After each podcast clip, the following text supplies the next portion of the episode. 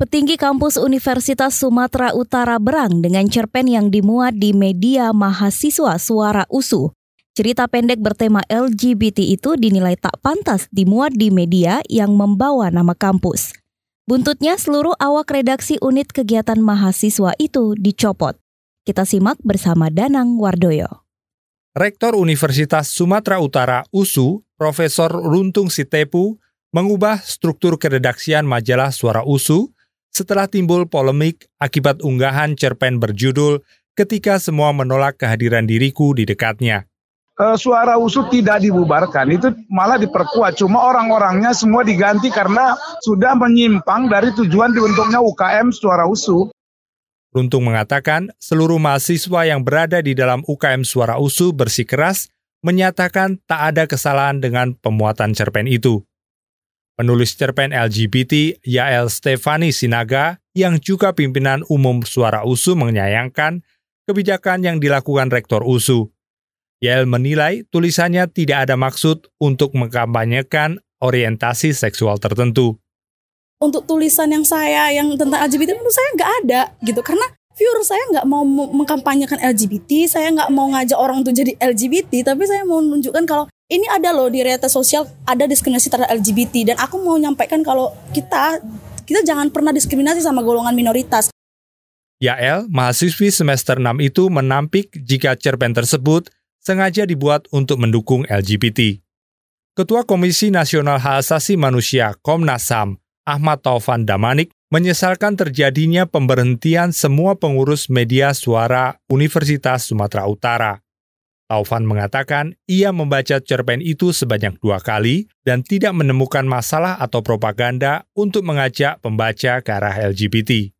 Iya, kita sangat menyesalkan kejadian itu ya saya udah baca cerpen itu. Hmm. Menurut saya nggak ada nggak ada yang membahayakan. Apa yang membahayakan? Karena itu hanya tulisan yang apa istilahnya ingin menyampaikan.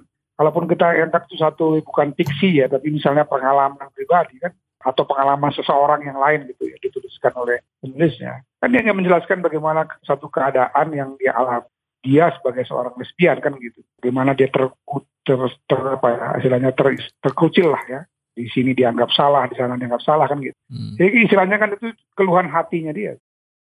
Taufan Damanik yang juga merupakan dosen USU memuji cerpen tersebut.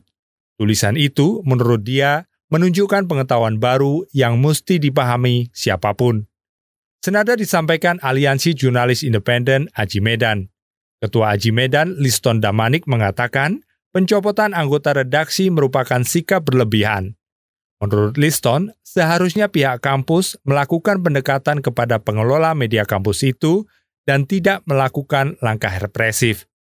Dalam penanganannya kan misalnya harusnya kan ada diskusi dan apakah misalnya kalaupun memang salah begitu ya kalau dan kalau menurut saya sih mahasiswa namanya juga belajar begitu ya hukumannya tidak seperti itu dan belasan itu berarti kan semua begitu ya semua aktivis itu dicopot kalau nggak salah dan mungkin rektor harus tahu di di keredaksian sebuah persma itu sebenarnya cukup plural gitu jadi pukul rata semua dicopot itu menurut saya sebuah keputusan yang sangat aneh. Lembaga Bantuan Hukum LBH Masyarakat mendesak Menteri Riset Dikti menegur Rektor USU.